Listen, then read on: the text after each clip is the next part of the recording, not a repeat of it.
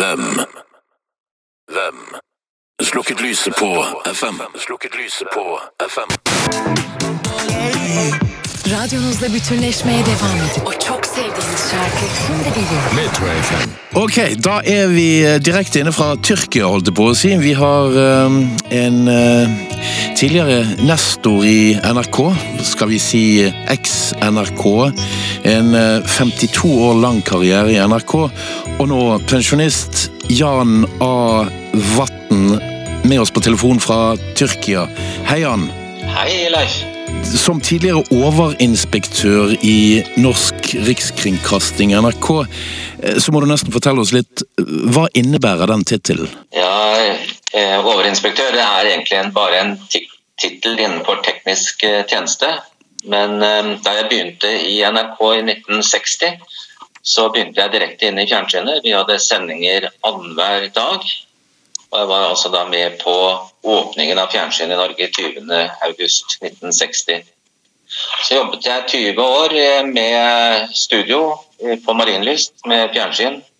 Var teknisk sjef i studio på, på eh, mange produksjoner som Fjernsynsteatret, Jul i Skomakergata, som jeg syns er en fantastisk serie, og underholdningsprogram. Og så ble jeg teknisk sjef i Østfold, da vi bygde opp distriktskontoret i Fredrikstad. Og eh, fra slutten av 80-årene så har jeg holdt på med distriktskontorene og utvikle de, og den digitale radioen, produksjon og eh, den digitale fjernsynsutviklingen i NRK.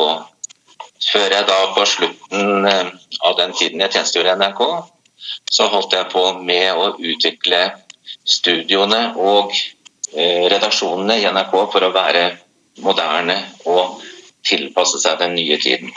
Veldig spennende, veldig givende og utrolig fri eh, jobb i forhold til eh, den sjefen jeg hadde. Det må sies å være en lang karriere i NRK. Nå er du pensjonist, og du har eh, senest i Fredrikstad Blad i september-oktober 2018 eh, uttalt at DAB pluss er uegnet som beredskapsradio. Hva eh, kan du fortelle om det? Ja, det er jo mye å si om det, men det viktigste er jo det at en beredskapsradio skal jo nå alle. Det må være målsettingen for en eh, beredskapsradio. Eh, Det er ikke alle som har en DAB-radio som nå beredskapen skal eh, innrette seg på, mens alle har en FM-radio. Derfor så mener jo jeg at det er en klar fare, kort og godt, å stenge ned FM. Fordi at vi da mister den ene kanalen som gjør at alle sammen vet hva de skal gjøre når de får signal om lytt på radio, altså fare på, på um, sirenene. Men nå snakkes det jo veldig mye om at um, man skal ikke tenke så mye på det, man skal bare søke informasjon. Men det gjør jo ikke folk når de, skal, når de står i en faresituasjon. En annen ting er vel at eh, den informasjonen folk søker, eller eventuelt skal søke etter, den er ikke oppdatert. Verken hos NRK, DSB eller andre, eh, som politiet, når alarmen går. Eh, Og det har vi sett i to tilfeller de to siste årene nå. Altså det, det du sikter til er at det burde være en nasjonal FM-kanal øh, øh, som, som var en beredskapsradio. Uh, Det hadde man tidligere med NRK P1. Nå ligger alt på DAB. Eller hvordan, hvordan, hvordan vil du si at beredskapen er ivaretatt etter FM-slukkingen?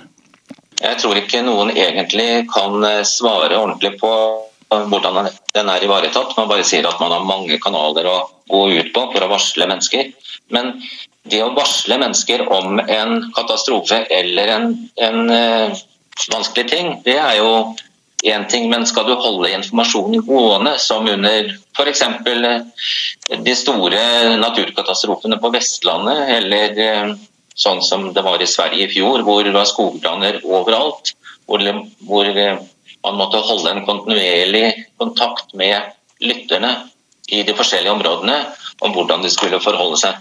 Det klarer du ikke å løse hvis du skal søke opp informasjon et annet sted. Har du en radio, som alle har en FM-radio, så kan alle sammen lytte på den og få kontinuerlig informasjon og føle seg trygge. Hva med beredskapen på norske veier? Vi vet jo at det er bare 50% av bilparken som har DAB. Dessuten så kjører det rundt en del internasjonale yrkessjåfører som bare har FM installert. Hvordan eh, står det til på veiene, tror du? Jeg tror det står dårlig til på veiene, dessverre. Det er eh, i FM-radioen, som alle biler har, som alle, også utenlandske biler og fremmede sjåfører, ferierende og hva som helst, så er det FM-radio i bilen. Og i den er det en RDS, radiodatasystem, som også har en eh, Traffic Message Channel, TMC, som da kan gi digital informasjon ut til eh, sjåførene. Uavhengig av hvilket språk de snakker, for det er koder det går i, som er kjent i hele Europa. Og et ganske genialt system som er i virke i hele Europa, men eh, det er altså ikke slik i Norge. Der har man stolt på at DAB skulle da bli det bærende kommunikasjonselementet også i trafikken. Noe som ikke viser seg å stemme. Det er, eh, det er en jeg holdt på å si nesten en tragedie at man ser bort ifra det. At ikke alle kan ta imot den informasjonen som går ut om, om Eh, når det er beredskapsting som går ut. Hva er ditt forslag til hva myndighetene bør gjøre nå i forhold til dette? Ja, jeg har jo holdt på med, med DAB helt siden slutten av 80-tallet. Så det begynner å nærme seg 30 år. Eh, og har eh, jobbet mot at NRK skulle satse 100% på DAB. Men da kringkastingssjefen i 2005 sa at nå måtte det være slutt på den interne diskusjonen i NRK, så eh, måtte vi legge bort pennen. Og det, det fulgte jeg. Men eh, det er bare én løsning, og det er riksdekkende eh, FM-kanal. Man kan snakke om lokalradio, men det å kjøre en bil rundt omkring i området og plutselig ha signal fra en, en FM-sender, eller ikke ha, det er ikke noen god beredskap, selv om det er en, en eh, nødløsning, sånn som jeg ser det nå. Eh, NRK sier til sitt forslag at de har ikke råd til å distribuere eh, i to forskjellige teknologier. Og FM-senderne er for gamle, de har nærmest talt rustet som gamle dinosaurer. Og Nordkring er en kommersiell aktør i det som har med distribusjon og sendenett å gjøre.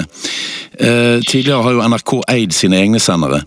Ser du at eh, Norge bør ta seg råd til eh, å bygge opp et nasjonalt nytt sendenett? Ja, det mener jeg helt, helt klart. NRK tok et viktig valg da tidlig på 80-tallet om at man ikke skulle satse på vedlikehold av FM-senderne, og heller satse på DAB. Det var et bevisst økonomisk valg som da sto sammen med det teknologiske valget man gjorde. Det at man nå ikke har FM-sendere, det bør ikke bety så mye. fordi at Man snakker om kostnadene som NRK har, men man snakker ikke så mye om de kostnadene som DAB-systemet påfører brukerne, altså vi som lytter på radio.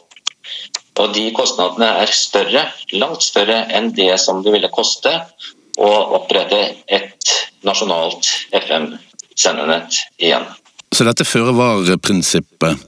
Vil du si at NRK har tapt anseelse etter det vi kan eh, karakterisere som DAB-fiaskoen? Jeg, eh, vil nødig karakterisere det, for jeg setter NRK veldig høyt som eh, tidligere arbeidstaker der. Og jeg har vært en klar og tydelig stemme innad i NRK for å, å, prøve å hindre at vi gikk på det. Og jeg har sagt det at jeg håper jeg får feil når det gjelder dette med, med DAB. At det blir en tragedie for, for radioen. Men nå ser vi jo det, at uh, utviklingen er sånn at færre og færre lytter til radio. I Danmark f.eks. så er det mindre enn hver tredje bilist har DAB-radio i bilen, til tross for at de har hatt fullt utbygd DAB og FM-nett i flere år. Og de tør ikke slukke FM-nettet fordi at de vil ha store konsekvenser for radiolytting. Det tror jeg er helt riktig. Men i Norge så har vi vært veldig på at vi skulle gjennomføre DAB. Og det ser vi også nå i de sakene som diskuteres. At det er bare snakk om hvor lenge skal få lov til å sende, for at DAB skal være det eneste. Men framtiden til digitalradio ligger jo ikke i DAB-nettet. Det ligger i internett. Nå står vi oppe i en eh, diskusjon hvor både medietilsyn og politikere skal eh, beslutte om eh, FM-nettet skal permanent stenges fra 2021. Hva vil du si det vil innebære dersom FM blir permanent stengt? Ja, det er Jeg tror at myndighetene og de store aktørene i radio og Medietilsynet må bestemme seg for om det er viktig å stenge ned FM-nettet av den grunnen at det skal digitaliseres, altså pisken, eller om det er viktigere å beholde radiolyttingen. Og Jeg tror det siste er viktig, og uten at det er FM, og særlig nå som FM-radioene, altså nærradioene, klarer å skape gode eh, radioforhold rundt omkring, så er det helt eh, ja, det vil nesten være en tragedie om man stengte det i 2021. Hvem? Hvem? Slukket lyset på FM. Slukket lyset på FM. Vi hørte tidligere overinspektør i NRK, nå pensjonist, Jan A. Vatn. På telefonlinje fra Alanya i Tyrkia. Som vi tidligere har fortalt i denne podkastserien, er det én person som særlig har utmerket seg i kampen mot Triopolets ønsker, og dermed også byråkratiet, nemlig Medietilsynet og Nkom. Svein Larsen er leder for Radiometro. Bli med som flue på veggen idet vi setter direkte over til Svein Larsens kontor hos eh, Radiometro. Nå skryter du av at eh, tallene er tilbake. da. Ja, men kjære, Du så Kati-tall som Kantar presenterte nå? Ja, Hvem av deg? Jeg får jo hele tida. Ja, den, det, det var fjerde kvartal eh, 2018. ja. Da ser vi jo at ja, ja, ja. Kantars PPM stemmer godt overens med Kantars Kati. Det er 46 000 mennesker som er spurt i en omnibus. ja, ja, ja. Det er ganske omfattende. Det er omfattende. Det er, det er en veldig omfattende undersøkelse. Og så finner vi da Rune Hafskjær som er digitaldirektør i P4. Ja. Hans bror er sjef for Elkjøp. Går du inn i en Elkjøp-forretning, så er alle radioene innstilt på P4. Ja, ja. og og så går du inn i en 7 Shell 7-Eleven, så er de også innstilt på. Og hva gjør det med PPM? Det er klart at det gainer jo. ja, ja det er det er. Men det er jo et annet system, det der. da. Men nå er du jo ganske fornøyd selv, er det ikke det, da? Med det som jeg skrev i det notatet, så er det jo, skryter de nå av at lyttingen er jo tilbake på nivået fra før slukkingen.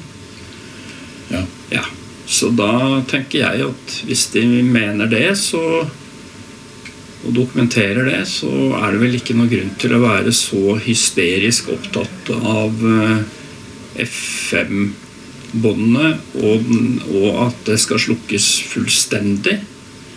Og at de skal være så aggressive. Der har de på en måte gitt deg et argument, da. At, at Ja, skal... ja, men altså, vi må jo ta de på ordet. Ja. Så, så det er jo logisk at de da tar det litt mer med ro, kanskje. Men det virker jo ikke akkurat slik. Og spørsmålet er jo mer hva de måtte gjøre, er jo så sin sak. Men, men spørsmålet er jo mer hva tilsynet, og for så vidt også Nkom, syns om dette. For de har jo til nå agert mer eller mindre på helt og holdent og fullt ut på P4 og Radio Norges premisser. Og ikke bare det, men, det, men liksom både tilsynet spesielt da bruker jo da Bars dokumentasjon i forhold til de brev de sender til oss. Og det må jeg nok si er eh, liksom, tendenser til å være noe nytt da i norsk forvaltning. Ja, At det det plutselig er et velrenommert, og det er det jo bare, eh, advokatkontor som er til de grader involvert i en, altså en eh, mediepolitisk prosess, og ikke drive med, med juss, egentlig, men driver altså med politisk påvirkning. Og er på en måte over en annen eh, banehalvdel enn det de pleier å være. Det syns jeg var interessant å konstatere. Jeg vet ikke om det er en ny tendens. Ja, Ja, men jeg skjønte poenget ditt, for jeg har heller ikke sett det i hvert fall i norsk mediepolitikk Nei. når det gjelder radio. Under samtalen med Svein Larsen kommer vi inn på temaet om de skjulte DAB-tallene, som senest ble tatt opp i Stortinget av herværende stortingspolitikere som etterlyste rene DAB-tall. Nei, altså, Men det er ikke noe tvil om at de har altså, Hvis det er det vi snakker om, at de, de har jo DAB-tall. Ja. Det, er jo liksom, det har de hatt hele tiden. Ja. Eh, men det har vært vanskelig å få tak i. Ja. Men det er noe helt annet. Men det er klart at statsråden bør jo ikke ha noen interesse av å gjemme bort eller skjule de tallene. Og det er jo ikke sikkert hun har heller, men det avhenger av hvilke opplysninger hun får av sitt byråkrati. Og Men, hun var ganske fersk i rollen Ja. da hun ja, men hun er uansett hun er jo ansvarlig. Altså, Men kan vi tro at Trine Skei Grande nå har tatt skjeen i en annen hånd etter dette, fordi hun da ikke ansatte uh, Christensen som ekspedisjonssjef?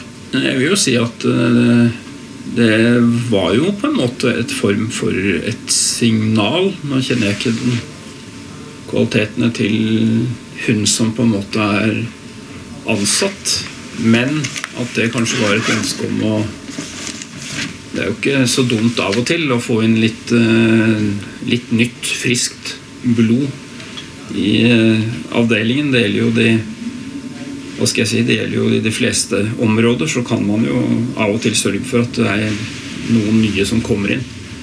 Selv om det ikke alltid har vist seg å være gunstig, f.eks. For i forhold til Mediatilsynet med en ny leder, syns jeg jo ikke at det skiftet så langt har ført til eh, noe særlig konstruktivt. Eller, noe, eller en bedre eh, ivaretagelse av tilsynets oppgaver enn det det var før.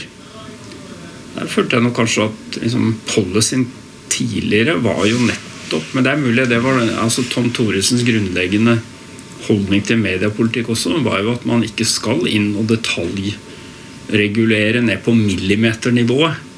Eh, når frie, uavhengige norske medier, slik tilsynet nå driver med. Faktisk, ikke sant? Mer enn noen gang. Altså, Det er jo til og med ikke lov å samsende på internett. Og det må jeg nok si er, eh, det er en detaljregulering og en holdning som er relativt ny og veldig fremmed. Altså. Og bør være det i et eh, liberalt demokrati som det norske. Så, hvis jeg går til Stortinget, så skal jeg snakke med deg skal jeg si Nevn én god grunn for å ikke frigjøre FM lokalt og regionalt. To. Hva er det med Norge som gjør oss så annerledes enn resten av verden? Tre. Når syns du det er rimelig å ta i bruk FM igjen, ettersom FM er verdensstandarden og vil forbli dette på europeisk og globalt plan i ti år fremover? Når kommer vi til det veikrysset der vi sier Ok, da sitter vi igjen med kanskje bare NRK på DAB om noen år? Hva skal vi gjøre da? Da er vi tilbake i Langslets 1981-univers. Ja, Men vi er vel ved det veikrysset nå at veldig mange av politikerne begynner å få hva skal du si, en tilstrekkelig informasjonsmengde i forhold til dette, som, som jeg må si at de burde hatt. Både i 2010 og iallfall i 2015. Men som de de facto ikke hadde, bortsett fra noen få. Og, det er jo ikke for ingenting at uh, altså de, to største partiene også begynner å sende ut litt andre signaler enn det du gjorde før. Og en del av de stortingspolitikerne som var med på denne beslutningen i 2015, uh, Sverre Harberg, uh, Arild Grande uh, og flere, ikke minst Høyres mediapolitiske talsmann, tidligere programleder i P4 og vel fortsatt ansatt i P4. Kårstein. Kårstein Eidem Løvaas. De er nå i andre eh, komiteer og i andre eh, og, og vil ikke lenger på en måte ta i denne saken og uttale seg om dem, men de andre har jo forstått at, at dette var feil. og den den som er i komiteen, Arbeiderpartiets Trond Giske, han var jo faktisk kritisk til det som statsråd. Det var han. Og det har jo vist seg at han hadde noe for seg. På den annen side så var det jo den rød-grønne regjeringen som da gjennomførte det, hvor Giske var statsråd. Men da var han i et annet departement. Men du, du har snakket med Giske nå i ettertid, relativt nylig. ikke sant? Og, og kan du, kan du fortelle litt om samtalen? Jeg har kommunisert litt med han eh, via e-post. Men, eh, men Giske, som vi vet, er i stand til å sin, lage sine egne oppfatninger og vurderinger. Men jeg tror også han også er blitt klar over eh, rekkevidden av dette, og at det ikke var en klok beslutning. Ja. Og det er, det er viktig. og Vi så jo at komiteen uttalte seg i forbindelse med budsjettbehandlingen. Vi skal nå få en utredning fra Mediatilsynet. Og jeg må nok si at når en enstemmig komité, som det vel var, eh, uttalte seg i den retning og ber departementet vurdere å forlenge FM-lisensene, så syns jeg det skal fryktelig mye til at Mediatilsynet og deretter da departementet kan komme med en annen vurdering og en annen anbefaling enn det komiteen indikerte. Det vil jeg mene er i nærheten av å være oppsiktsvekkende hvis det skulle skje, men det tror jeg ikke skjer heller.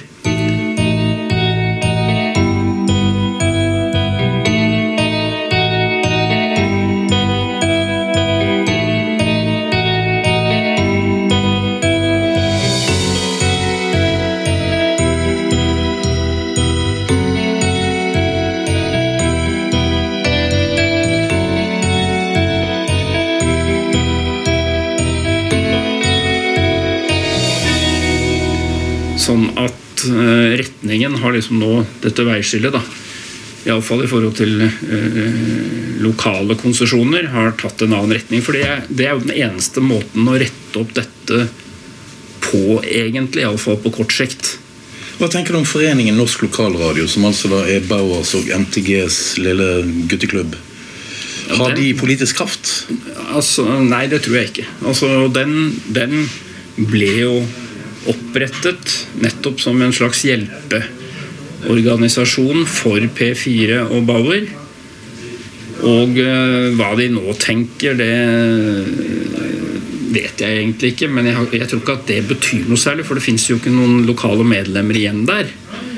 Altså, det er jo ikke Og det er jo det, er jo det også tiden etter dette har vist, at det er ikke mulig å overleve lokalt kun på DAB.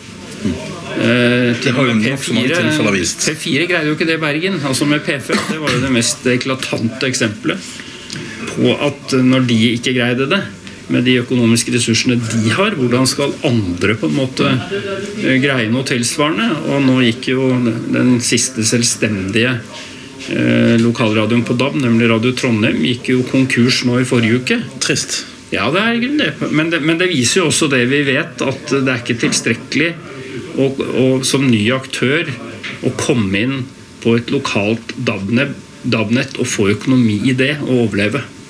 Svein Larsen, dersom nå Medietilsynet og myndighetene øh, faktisk skulle komme til å gjøre det vi håper de ikke skal gjøre, nemlig å frata deg konsesjoner.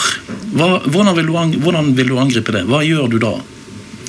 Nei, nei vi får se hva, altså, hva det gjør. Nå har jo vi eh, Og nisjekonsesjonærene har jo levert inn så langt sine svar, men ikke alle.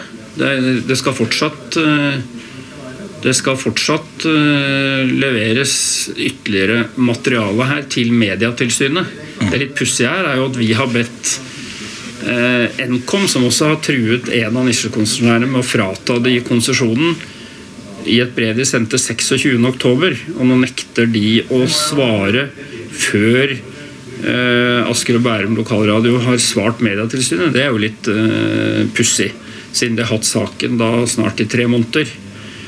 Eh, men det har jo ikke vært noen sak mot Asker og Bærum lokalradio, og ei heller mot de to andre fra tilsynets side før dette. Så jeg vil faktisk mene at eh, de har ikke et juridisk grunnlag for, for å ta fra noen av de tre nisjekonsesjonærene deres konsesjoner. At det tror jeg faktisk ikke at de vil gjøre i denne prosessen. I dag går Ncoms John Eivind Velure ut og forteller det at uh, Radio Latin-Amerika skal ikke få økt sin sendestyrke. Og han kan ikke skjønne hvorfor det er relevant at de skal få gjort det. I det hele tatt, Fordi mm, svenskene var der fra før av, som han sier, og de forstyrrer ikke mer nå enn de gjorde før. Ja, det gjør de vel, da. I og med at Det var litt rart at han sa det. Altså i forhold til når interferensen blir borte.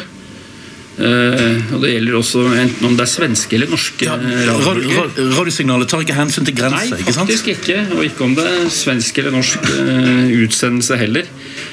Uh, men hele holdningen, på et vis, det er jo det som er problemet. Virkelig.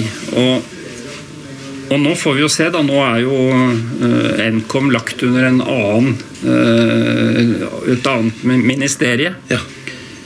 Eh, Vil det ha betydning? ja det, har, ja, det vil jeg nok mene. Altså I den forstand at det er en ny statsråd, og en statsråd fra Høyre, som på en måte skal behandle dette. Men en ganske fornuftig statsråd, tror jeg. Eh, så, det, så det er jo om, om å gjøre å håpe det, det hadde ikke vært noe dårligere om Dale hadde behandlet det i Samferdselsdepartementet fra Fremskrittspartiet. Men vi får håpe at den nye Astrup, altså den nye statsråden, også har en evne og vilje til å skjære gjennom dette her. Og dette, det, dette detaljstyret som Nkom, i forhold til det eksempelet du nå nevnte, driver, det er helt uhørt. Altså Hvorfor skal ikke Latin-Amerika få en større wattstyrke? Hvorfor skal ikke vi, i forhold til en del av de andre frekvensene vi har, få større wattstyrke? Nå har de, de har regulert ned wattstyrken sånn at vi ikke engang dekker konsesjonsområdet tilfredsstillende. Ja, du har konsesjon på en lommelykt. Ja, det er eh, Altså, hva er dette for noe i Norge i 2019? Ja. Men Det er helt tenk tenk meningsløst. Tenk nå på at denne DAB-utbyggingen i Norge, som vi har vært delaktige og vitne til i de siste ti årene, det er på en måte en garanti for at resten av verden beholder FN, da. Ja, altså det, Du kan iallfall si at det neppe eh, er et eksempel til etterfølgelse for andre land når de ser hva som på en måte har skjedd i Norge. Ja. Men det er jo på en annen måte til liten trøst for oss, da. Nå, ja. Som opererer i, i, i Norge. Mm. Men som vi snakket om i stad, vi får jo se om vi får en liten rekyl her, og litt andre holdninger. For byråkratiet kan jo på en måte ikke bare fortsette og fortsette å holde på som de nå gjør, uten at de får korrektiver fra liksom, politiske myndigheter. Problemet som jeg sa, er jo at politikerne har ikke skjønt så mye av saken, men de begynner nå definitivt å skjønne hva dette dreier seg om. Og så kan du si at det er kommet såpass langt også i forhold til den norske befolkning at det å snu det totalt tror jeg er vanskelig.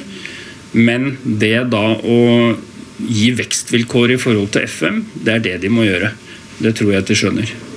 Det kan synes som om det er en garanti fra Kulturdepartementet inn mot Bauer og inn mot NTG som gjør at jeg får en fornemmelse av at disse aktørene som sitter i hver sine leirer, de er helt avslappet. Eh, Dette er vi helt rolig på, dette kommer til å gå bra. Nærmest fordi de nå har rykket opp i en beskyttet liga sammen med NRK. Eh, og så ser vi i dag at Norsk Radiolytterforening kommer ut med en artikkel som dokumenterer at Kulturdepartementet gav lov Altså I forhold til eh, FM-slukkingen så skulle da bare Bauer og MTG være ute av slukkeområdene allerede fra juli 2017, men så holdt de på helt til 31.12. Og Det ble rett og slett bare godkjent av Kulturdepartementet. Vi prøvde å få innsyn i dette. Vi fikk ikke innsyn, men vi kan dokumentere at det nå ligger en helt sånn automatisk åpning til at de skulle få holde på frem til siste dag i 2017. Mens da den litt mindre aktør, Radiometro, får på pukkelen eh, fordi du, du lekker inn til Oslo fra Asker og Bærum. Ja, nei, også hele det- den slukkeplanen som de vedtok seg imellom, eh, og som departementet var klar over, den fulgte de jo ikke. Iallfall ikke i flere områder. Det er jo en kjensgjerning. Det som var forsvaret til Mediatilsynet i forhold til akkurat det, var jo at, eh, at de hadde jo da konsesjon ut året og kunne fortsette som de ville. Det spesielle da var jo at vi, som på en måte ikke var en del av slukkeplanen, heller ikke hadde signert og skrevet under på den, vi skulle da slukke på eksakte tidspunkter som var slukkeplanens tidspunkt. Fordi Triopolet bestemte det. Ja, fordi det var eh, bestemt, og det, det, det er jo helt eh, urimelig. Men da argumenterte jo tilsynet eh, altså knallhardt for at det som gjelder, er konsesjonen. Og da er vi tilbake til den eh, saken om nisjekonsesjonærene. Eh, konsesjonen gjelder. Ingen av de tre bryter eh, konsesjonen.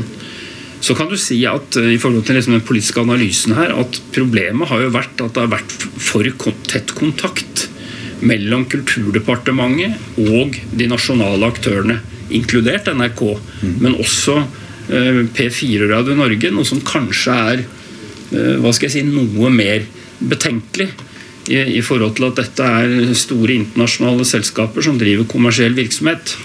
Og at forholdet der har vært for tett, eh, tror jeg ikke det er noe tvil om. Men også at man ikke mobiliserte tilstrekkelig tidsnok på andre siden, altså fra Lokalradio Forbundets side, for å gjøre noe med det i mange av de årene dette pågikk.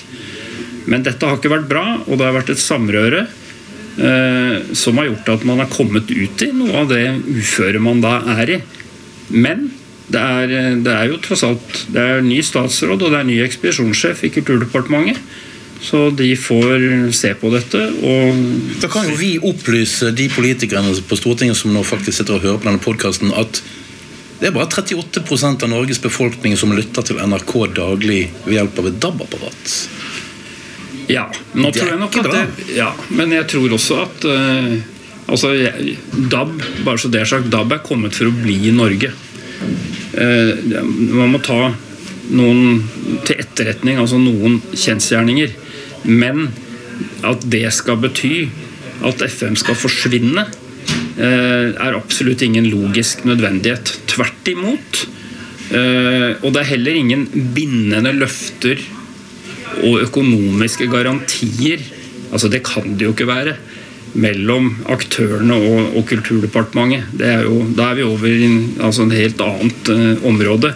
Slik at Kulturdepartementet, Mediatilsynet, nå kan gjøre det som på en måte er eh, fornuftig. Og det er å forlenge FM-lisensene. Eh, Det er å å sørge for at kommersiell radio også har muligheter eh, i de store byene på, på FM.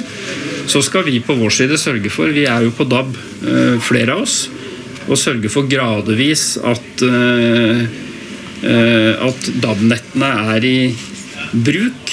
Men den tvungne slukkingen holdningen til akkurat det ut fra et sånt mediepolitisk perspektiv er jo fullstendig feil i et fritt samfunn. Er jo, vi er jo tilbake til hva skal jeg si, til 80-tallet, når man forsøkte å nærmest å forhindre fargefjernsyn. Man skulle stoppe alle mulige sendinger. Vi er ikke der lenger. Det er det som gjør at Norge på en måte framstår på en ekstremt underlig måte, og at man i utlandet ikke helt forstår hva vi driver med. Nei, det kan jeg love deg. Jeg snakker med mine venner i Holland, f.eks. Nå er jo Holland selvfølgelig et spesielt land. Det er helt flatt som en pannekake, og det tar deg 15 sendere så du dekker til landet. Men der sier de at det er ingen som snakker om det. Politikerne bryr seg ikke. Og en radiostasjon, hvorfor skal de liksom ut på DAB også når, når FM er så utrolig utbygget som det er? Ja, det, men enda, du kan gå enda nærmere. Du kan gå til Sverige. Det er ingen som der nå for alvor mener, heller ikke de store aktørene som er i Norge, som nå har betalt 900 millioner kroner for å få forlenget FM-lisens til 2027, er det vel, når de tre ble utlyst. Det er Bauer. Det er MTG, eller Nent som de nå heter, og det er faktisk Energy. De tre har jo kjøpt FM-konsesjoner til 2027. Er det noen som tror de hadde brukt 900 millioner kroner hvis de skulle legge ned FM neste år? Og der går radiolyttingen opp, og inntektene går så det suser. Og det samme skjer faktisk i Storbritannia, selv om de også er, er, de har kommet langt i digitaliseringen og bruker DAB-en. Men det er jo ingen der som nå har planer om å, å slukke FM-nettet. Det er der Norge er et uh, utenforland, altså. Som, uh, som vi dessverre eh, har blitt.